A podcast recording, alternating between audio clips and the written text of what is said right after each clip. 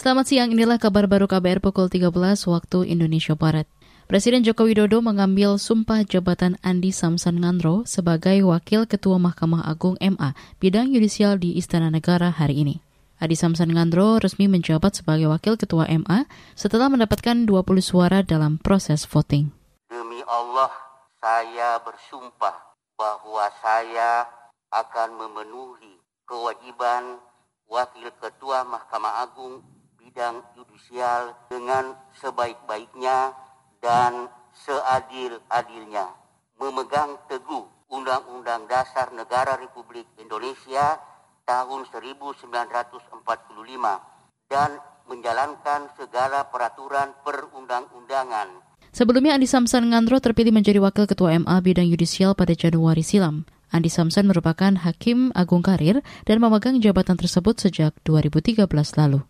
Kementerian Perdagangan mengklaim sudah meminta data jumlah pedagang yang akan divaksin COVID-19 dari seluruh bupati dan wali kota. Menyikapi rencana ini, juri bicara PD Pasar Jaya, Gatra Fagansa mengatakan, vaksinasi pedagang akan dimulai awal pekan ini dan ditargetkan rampung sepekan.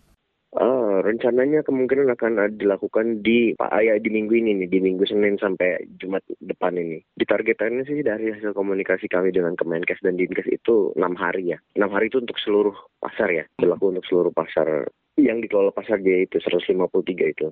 Dari penghitungan PD Pasar Jaya, jumlah pedagang pasar di ibu kota yang akan divaksin mencapai 104 ribu orang lebih. Jumlah itu belum termasuk karyawan di kios-kios maupun petugas yang berjaga di pasar. Kita beralih ke berita olahraga. Liga Champions akan kembali dimulai pada pekan ini dan menampilkan pertandingan babak 16 besar. Ajang antar klub di Eropa itu akan bergulir pada Rabu dini hari waktu Indonesia. Pertandingan Barcelona versus PSG bakal membuka persaingan perebutan trofi kasta tertinggi liga di benua Eropa ini.